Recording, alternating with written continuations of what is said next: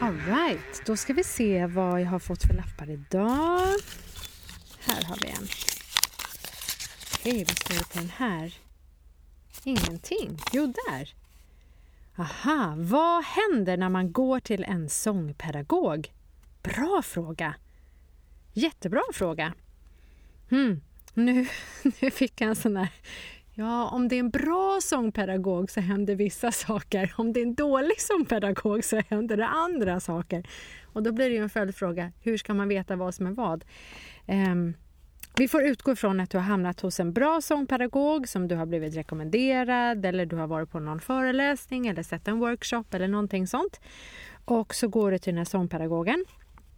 Då är det allra vanligaste att du kommer dit med några sånger som du vill ha hjälp med eller någonting specifikt som du vill ha hjälp med. Det kanske inte alltid är en sång, det kanske är att du är total nybörjare men du har alltid tyckt om att sjunga men du känner dig lite sånghämmad. Jag har fått höra kanske att nej usch du ska inte sjunga eller, eller så. Mm. Och då kanske man ändå någonstans har insett att oh, men jag tycker det är så fasligt roligt att sjunga. Jag vill ju, jag vill ju, jag vill ju. Och så äntligen så tar du mod till dig och går iväg till en sångpedagog. Och så förklarar du för den sångpedagogen att jag är total nybörjare och jag kan inte sjunga. Och då får man börja där. Och då brukar det gå till så att sångpedagogen först går igenom kroppen och kanske visar en bild på hur diafragman ser ut och magmusklerna under diafragman och lungorna och även en bild på hur stämläpparna ser ut och hur det fungerar det där med att göra ljud. Oavsett om man pratar eller om man sjunger. För egentligen är kanske inte skillnaden, är, den grundläggande principen är ju densamma. Du gör ljud på något sätt. Och förhoppningsvis ska det här ljudet vara ett ljud som inte gör skada på dina stämband. Ungefär så. Um, så det är det grundläggande, att man går igenom andning och sen hittar det här klassiska magstödet som många både skådespelare och röstcoacher och sångpedagoger pratar om och vad det betyder. Att du pratar centrerat, att du liksom känner magen långt ner. Till motsats då kan man ju säga att oh, en del pratar kanske här uppe och att andningen hamnar väldigt högt uppe i bröstet och uppe i axlarna. Så att det gäller att få ner det här, ner, ner, ner. Och tänka att magen blir som en ballong som åker ut och sen långsamt och töms på luft och blir liten. Och sen släpper man efter magmusklerna i nedre delen av magen och så uh, åker magen ut igen som en ballong och fylls med luft och så håller man på sådär. Och är man lite mer avancerad när man går till en sångpedagog då kan man väl tänka för alla som eh, som tänker så här, men vad då? du kan ju sjunga, varför ska du gå till en sångpedagog? Och då brukar jag förklara ungefär som att ja, men du vet, om du tittar på atleter på OS-nivå så är det aldrig någon som ifrågasätter varför de har coacher eller varför de går och tränar och flera timmar i sträck. Och att sjunga och att sjunga bra, det är precis samma sak. Du behöver hjälp, rösten förändras, du kanske är i olika faser i ditt liv där du får lite sömn eller du är i optimal hälsa och sjunger fantastiskt ändå. Men det kanske ändå finns så aha, jag kan sjunga så här bra, tänk om jag kan sjunga ännu mer, ännu starkare eller ta de där tonerna som är superhöga eller så. Så ja, det är ungefär vad som händer när man går till en sångpedagog inte så mycket magiskt med det utan det är jobb och eh, som sagt var du har hittat, får hoppas, en bra sångpedagog och då händer det att du utvecklas. Du utvecklas dels med rösten, du utvecklas med sången och faktiskt som en bieffekt är att du utvecklas även mentalt skulle jag vilja säga. Precis som i vilken träning som helst. Ja, precis. Där har vi det. Då tar vi nästa fråga. Ska vi se vad det står på den här lappen. Tesorter! Ah, det här var roligt. Vad är vad och vilket är godast? Ja, det där, jag kan börja med det där sista. Vilket är godast? Det är ju lite som eh, smaken är som baken. Det är ju delat. Det beror ju lite på vilken, vilken what a mood jag är i och kanske du också. Så passar kanske ett te jättebra en, en stund och ett annat te en annan, en annan stund. Men då kan vi väl säga så här att tesorter. Då har vi vi har det som kallas för svart te, vi har det som kallas för grönt te, vi har någonting som börjar komma som kallas för vitt te.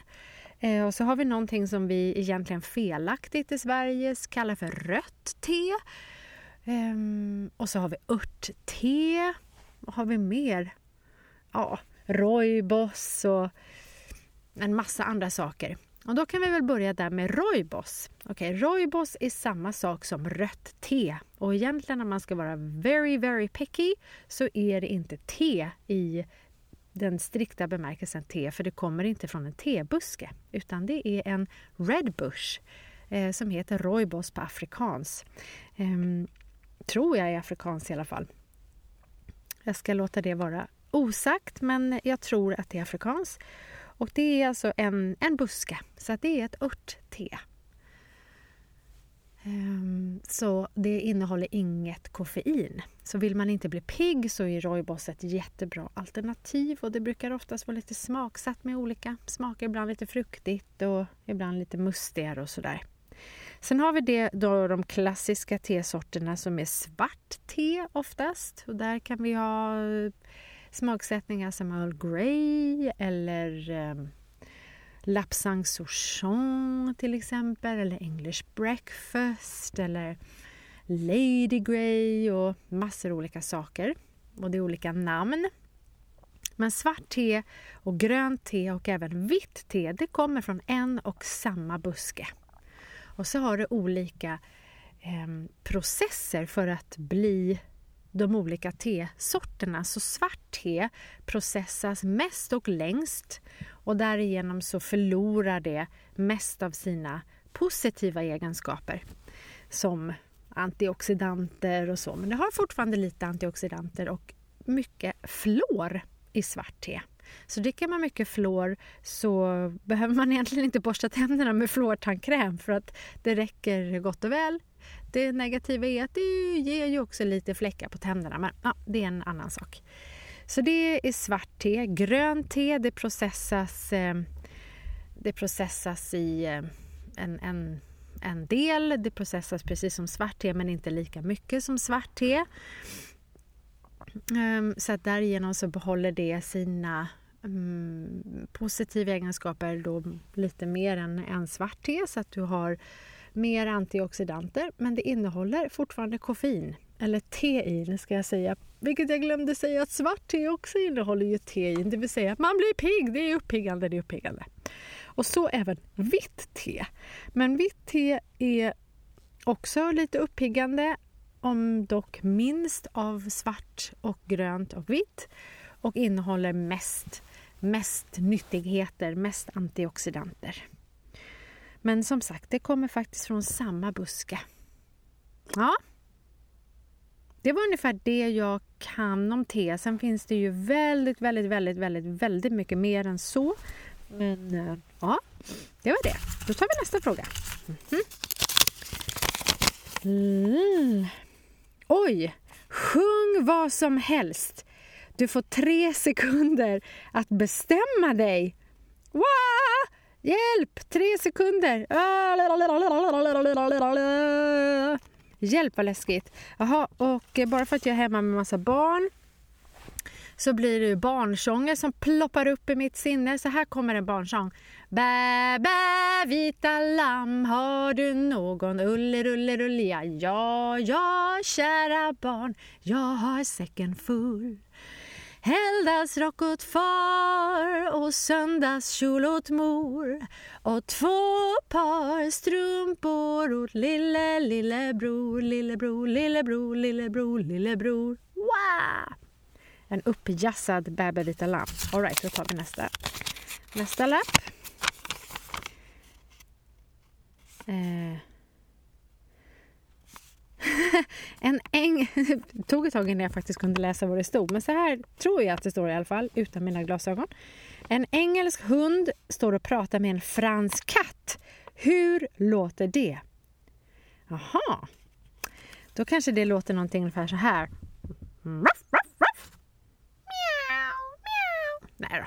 Jag bara skojar. Uh, I think uh, that a French cat uh, will sound a little bit like this, uh, and it will say, uh, "Oh, you are so disgusting, uh, you English dog. you eat. I don't know what you eat, but me, I get foie gras and I get nice fish from my from my owner." And when I don't like the food that she presents to me, I just go, Mm-mm.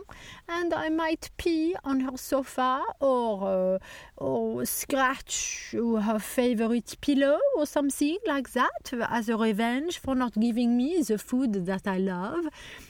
Uh, so the English dog might um, answer a little bit like this. What? Are you serious? Do you really do that? Oh my god, I would never dare to do that. No, I love my mummy and daddy. I love them. It doesn't matter what food they give me because you know what? Yesterday they gave me some lovely treats. Oh, yum, yum, yum. It was so nice. I just rolled over and then they scratched my belly. Oh no! it was so nice, wasn't it? Oh, I really, really liked it. And then, even if they don't give me the same today, oh, the memory of that nice food was so nice says the French cat. You are so silly, you stupid English dog. Do you not see that they are just taking advantage of you? You should just leave. Oh my god, you are so stupid. You should come to France and eat proper food. The kind of stuff that you get in England, oh, bois, fish and chips, puff.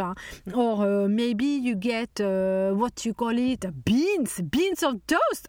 Oh, la la, that is so disgusting. Or shepherd's pie. Oh, don't even get me started. Oh, blah, blah, blah. oh it's horrible, horrible. Well, I quite like it. No, really, I do. I quite like the old shepherd's pie. I do. I like mince meat. I, I even like the veggies inside of it. I like the, you know, potato mash and all the butter. Oh dear, you're getting me hungry now, Vinny. Oh, you know what? I think I'm just going to leave you now and um, go and see if I can get something to chew on. Ta-da! Ja, det kanske låter ungefär någonting så. Då ska vi se vad mer jag har för roliga lappar. Här. Aha. En dold pärla i London. Hmm.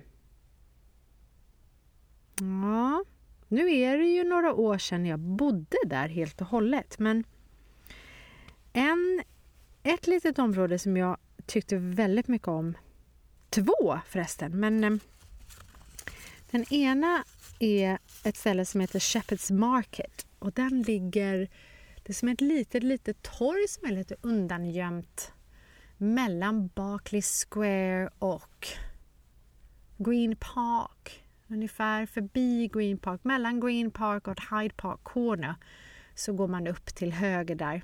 Som om man ska gå in i Mayfair på en liten bakgata och så plötsligt ser man på en liten, ja, en liten bakgata Eh, och ett litet torg som heter Shepherd's Market. Och där finns det en pub och det finns några små butiker och några, några kaféer och lite sådär. Och det är väldigt, det är väldigt mysigt att bara sitta där för helt plötsligt så har du gått ifrån den eh, jättebusy, jätte busy busy Hyde Park och du kanske varit nere på Piccadilly och gått runt där och det är massor med människor och det är jättemycket turister och så helt plötsligt så smiter du in på den här lilla bakgatan, det här lilla torget och Ja, och där är liksom människor som jobbar i området eller så, men det är inte så mycket turister där. Och det är rätt skönt faktiskt. Det är lite mer så här, genuint engelskt. Så det skulle jag vilja säga är en liten dold pärla i London. Kanske inte jättedold, men i alla fall. Ja, då tar vi nästa lapp. Mm -hmm. Mm -hmm. Oj! Stage fighting! Ge några exempel på hur man gör.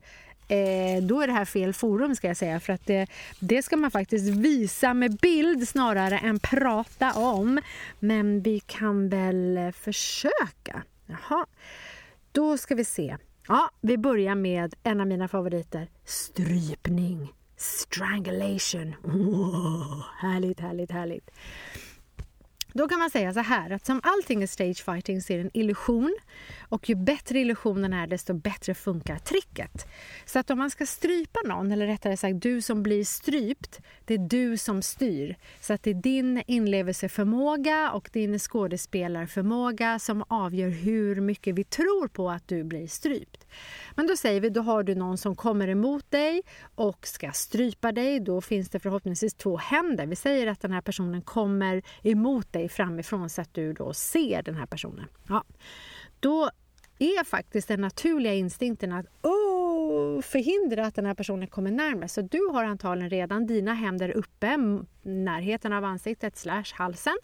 Um, och i ett stagefighting-trick så tar du då tag i de här händerna som ligger lägger sig så att det ser ut som att man tar stryptag men egentligen så ligger de väldigt avslappnat på nyckelbenen kan man säga med tummarna som möts nedanför din haka och så resten av händerna upp ungefär på axlarna. Poff. Och så har du dina händer kanske så så att, du, så att det ser ut som att du försöker dra ner händerna, dra ner tummarna ner så. Och sen så är det du som styr. Så, så du tar dig liksom ner, steg för steg ner på marken och successivt håller på att visa teatraliskt där att du håller på att dö, du håller på att dö, du har ingen luft och så. Så det var exempel på strangulation, alltså strypning. Vad mer är roligt då? Ja, den här tyckte jag var kul på scenskolan. Väldigt, väldigt dramatisk. Du och någon annan är inne i värsta, värsta fighten och du ska få övertaget och bara dunkar in din motståndare i väggen. Så att den faller rakt ner och pladask. Och då, kan, igen kan man säga att det är den som då ska få den här dunsen in i väggen som styr. Så att du, då brukar den personen vara så att du försöker liksom dunka in huvudet med pannan före i den här väggen. Och då har du sig ena handen uppe i håret och den som blir angripen har sin hand utanpå din hand vid håret igen.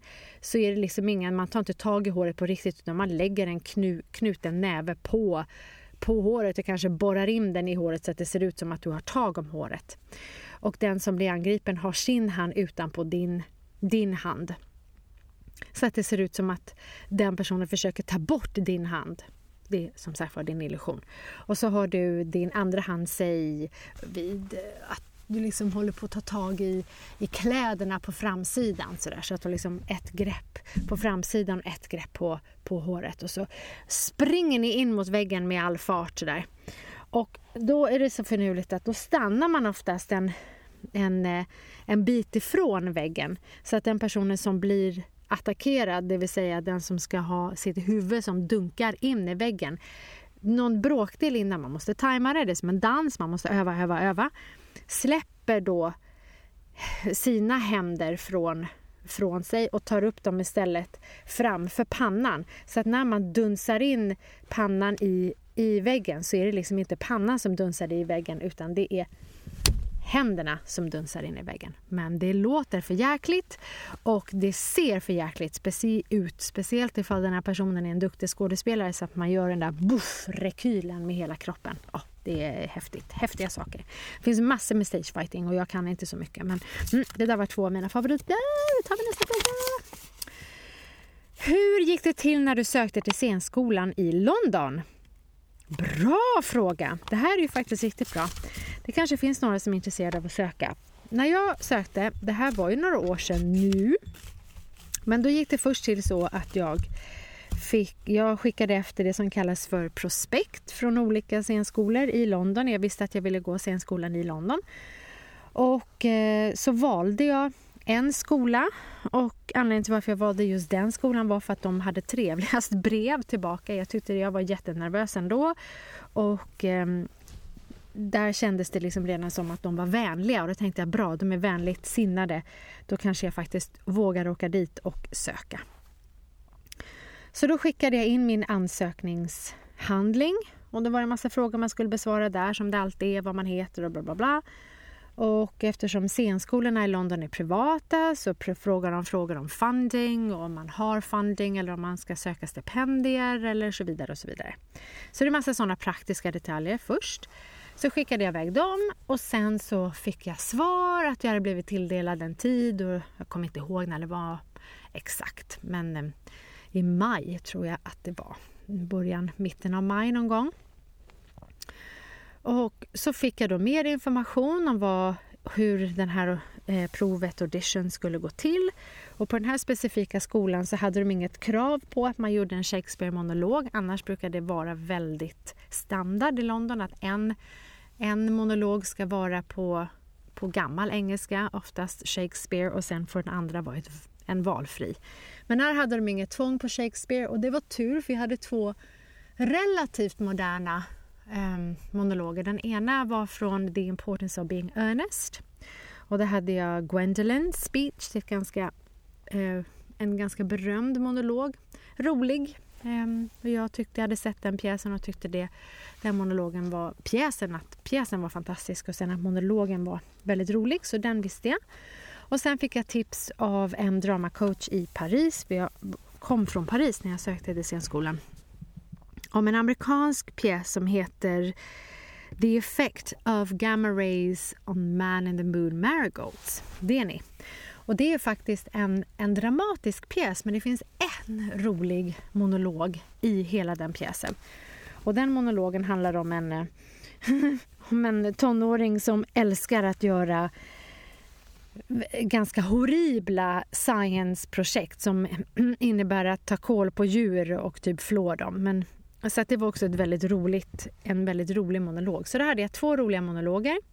En med lite mer högtidligt språk och en med väldigt eh, generellt liksom, nutidsspråk. Så skulle man ha förberett en sång och man skulle också ta med sig det de kallar för movement gear. Det vill säga att det skulle vara en dansklass och lite rörelse och lite så.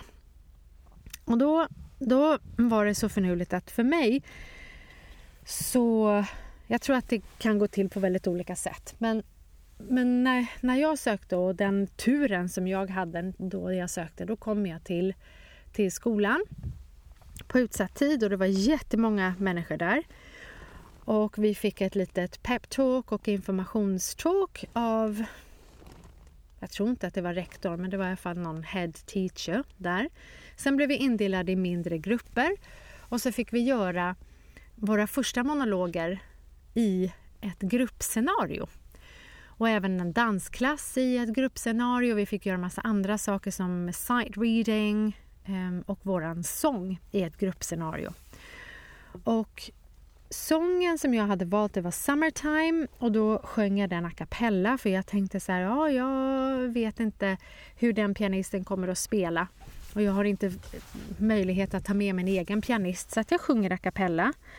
Så då gjorde jag det och då kunde jag styra helt själv.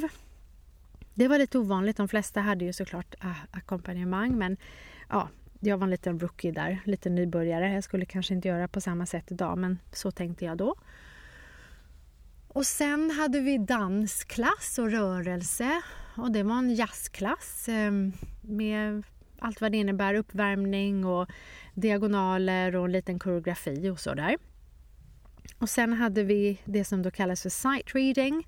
Och det innebär att du får en text så ska du läsa den texten kallt, du har aldrig sett den förut. Och för mig gick det hur bra som helst till dess att jag kom på Oh dear, here I am in a room full of English people and I'm trying to sound very, very English. Eh, och tack och lov hade jag läst ganska mycket då så att när jag väl började staka mig så sa lärarna där Oh very good, thank you, you can pass the book on. Så det var ju skönt. Och sen fick jag då, eller vi, göra vår första monolog. Och då gjorde jag den där eh, mer moderna amerikanska monologen. Och då var det så härligt att i den där grupp, gruppen då, då, lärarna var väldigt, de som liksom var jury, de var ändå väldigt mottagliga, de satt liksom med, de, det kändes som att de var på en sida. Så att nerverna försvann för många av oss. Så det kändes egentligen som att vi redan gick på skolan och hade normala klasser. Och det tycker jag var ganska smart för att då får du liksom se, tänker jag, hur, hur eleverna kommer att bete sig även, även när och om de kommer in. Så det gick bra. Sen hade de en utsållning där under, på dagen.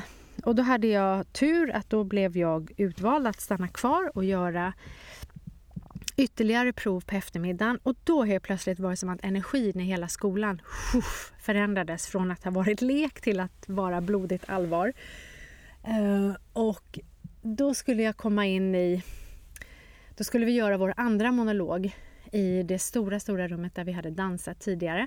Och helt plötsligt när jag kommer in där så sitter alla lärare dels de som jag hade träffat under dagen men ungefär lika många till och då rektor. Och helt plötsligt där var det ingen som gjorde någon respons överhuvudtaget på den roliga då, trodde jag, monologen som jag hade. Och det är hemskt att göra en rolig monolog och att ingen skrattar. De bara tittar på det ungefär som att, ja ja, okej, okay. next. Ja, så jag stolpade ur där och tänkte ungefär som att ja, det var ju tur. Nu har jag i alla fall fått se hur en audition går till ifall jag ska utsätta mig för det här ytterligare en gång. Mm.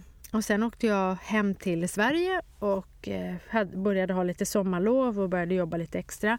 Och sen fick min eh, flatmate i Paris ett brev från Mount School för det hade ju då, det var lite knasigt, men skrivit till den adressen som min hemadress. Att brevet kom dit och hon ringde och sa du har fått ett brev, du har fått ett brev, vad ska jag göra? Och jag sa bara ja, jag vet inte, gud vad läskigt, gud vad läskigt, okej öppna det, öppna det, öppna det. Och så öppnade hon och sa hon bara ja, alltså jag tror, eh, jag tror att du har fått en plats. Så här står det och så läste hon och så hade jag fått en plats. Så det var fantastiskt. Så så gick det till när eh, jag sökte scenskolan i London. Nu har jag en lapp kvar och det är tur för vet ni vad, det blir skitvarmt i den här ljudstudion här inne så jag håller på att svettas som en liten gris just nu. Bara så ni vet vad jag står ut med här inne. Ah, Okej. Okay. Har du blivit starstruck någon gång? Oj! Det var en bra fråga. Ja, det måste jag ju ha blivit flera gånger, tänker jag. Och bara därför kan jag inte komma på en enda gång nu. Men jag blir det lite titt som tätt på olika, på olika håll och kanter.